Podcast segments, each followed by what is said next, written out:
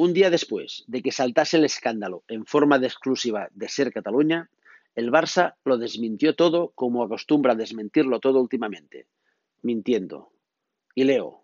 El Futbol Club Barcelona nega rotundament cap relació i, encara més, la contractació de serveis vinculats a comptes de xarxes socials que hagin difós missatges negatius o de menysteniment en relació amb qualsevol persona, entitat o organització que tingui o hagi tingut relació amb el club. Como la mentira tiene las patas más cortas que la paciencia del barcelonista tras tanto bochorno, a los del que te jugas de la SER no les costó demasiado desmontarla. Las pruebas no dejaban lugar a dudas.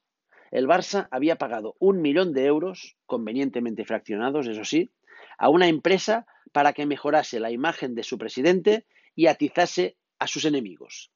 Sí, el Barça, no Bartu, no los directivos, no los aspirantes a sucederle, no Florentino, no Josep Pedrerol, no Plácido Domingo, no Toñín Torero, no, el Barça.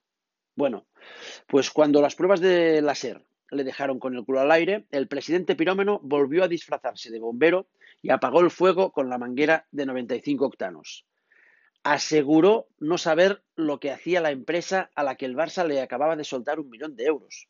El desconocimiento como coartada, la negligencia como excusa. Bartomeu prefiere quedar como un incompetente a quedar como un presidente con mala fe. El problema es que cada vez son más los que ven en él a un incompetente con mala fe. Bajo su mandato, el Barça ha sido sancionado sin poder fichar. Las perlas de la cantera han perdido un par de años. Se le ha ido Neymar. Se ha gastado 400 millones en tres sustitutos fallidos.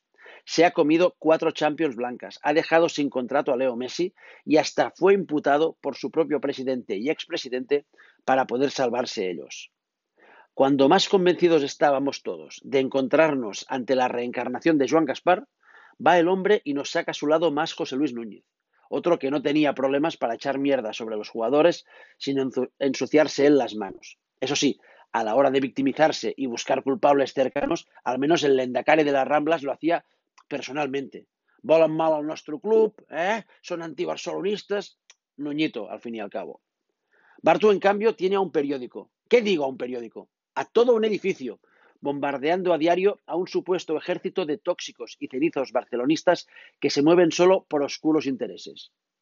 Bombardear, en cambio, no sabemos si se bombardea por amor al arte, por unos edredones o por un millón de euros. Pero sea por el precio que sea, me parece barato. La primera sorpresa de la comparecencia este mediodía de Bartumeu es que haya comparecido él y no Braithwaite, tanto tiempo denunciando Santinolla que había un entorno tóxico e interesado que perjudicaba los intereses del Barça y al final ha resultado que sí, que había un entorno tóxico e interesado que perjudicaba los intereses del Barça. Y una parte de ese entorno, además, ha cobrado un millón de euros.